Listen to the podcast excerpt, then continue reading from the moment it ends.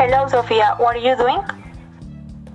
I am advancing the tax science. As you know, I was incapacitated for a month. You yourself disability though the coordinator and the teachers so that they accept the work and you're why you need not guide.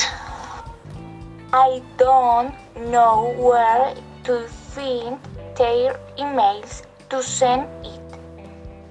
In Rubino Más Digital, John can find the email of the coordinators and teachers.